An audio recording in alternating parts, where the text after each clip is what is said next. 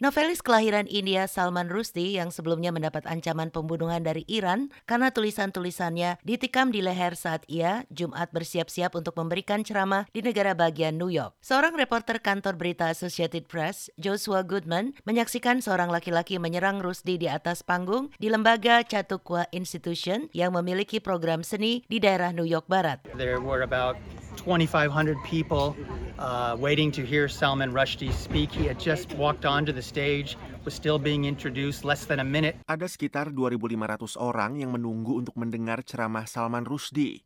Ia baru saja naik ke panggung, masih diperkenalkan kurang dari satu menit setelah acara dimulai. Dan seorang laki-laki dari arah penonton naik ke atas panggung dan mulai meninju dan menikam.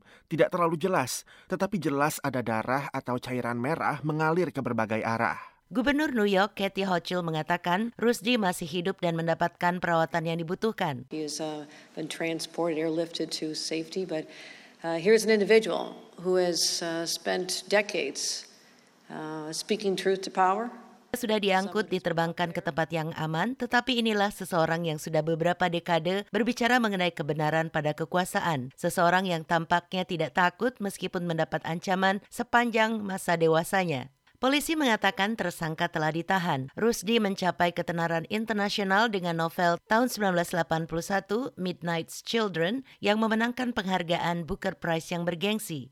Namun bukunya pada tahun 1988, The Satanic Verses, membuat pemimpin revolusioner Iran Ayatollah Rahullah Khomeini mengeluarkan fatwa yang menyerukan kematiannya. Rusdi menghabiskan waktu bertahun-tahun dalam persembunyian, baru keluar dari pengasingan pada akhir 1990-an setelah pemerintah Iran menjauhkan diri dari fatwa tersebut. Rusdi sejak lama menjadi pendukung kuat kebebasan berbicara. If you're a free expression organization, if you believe in the value of free speech, then you must believe in the value of free speech that you don't like.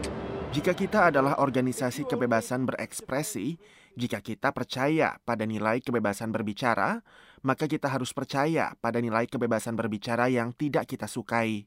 Jika kita hanya membela kebebasan berbicara yang sesuai dengan kerangka moral kita sendiri, itulah yang biasanya disebut penyensoran. Madioni dan Jimmy Manan, VOA. Voice of America, VOA.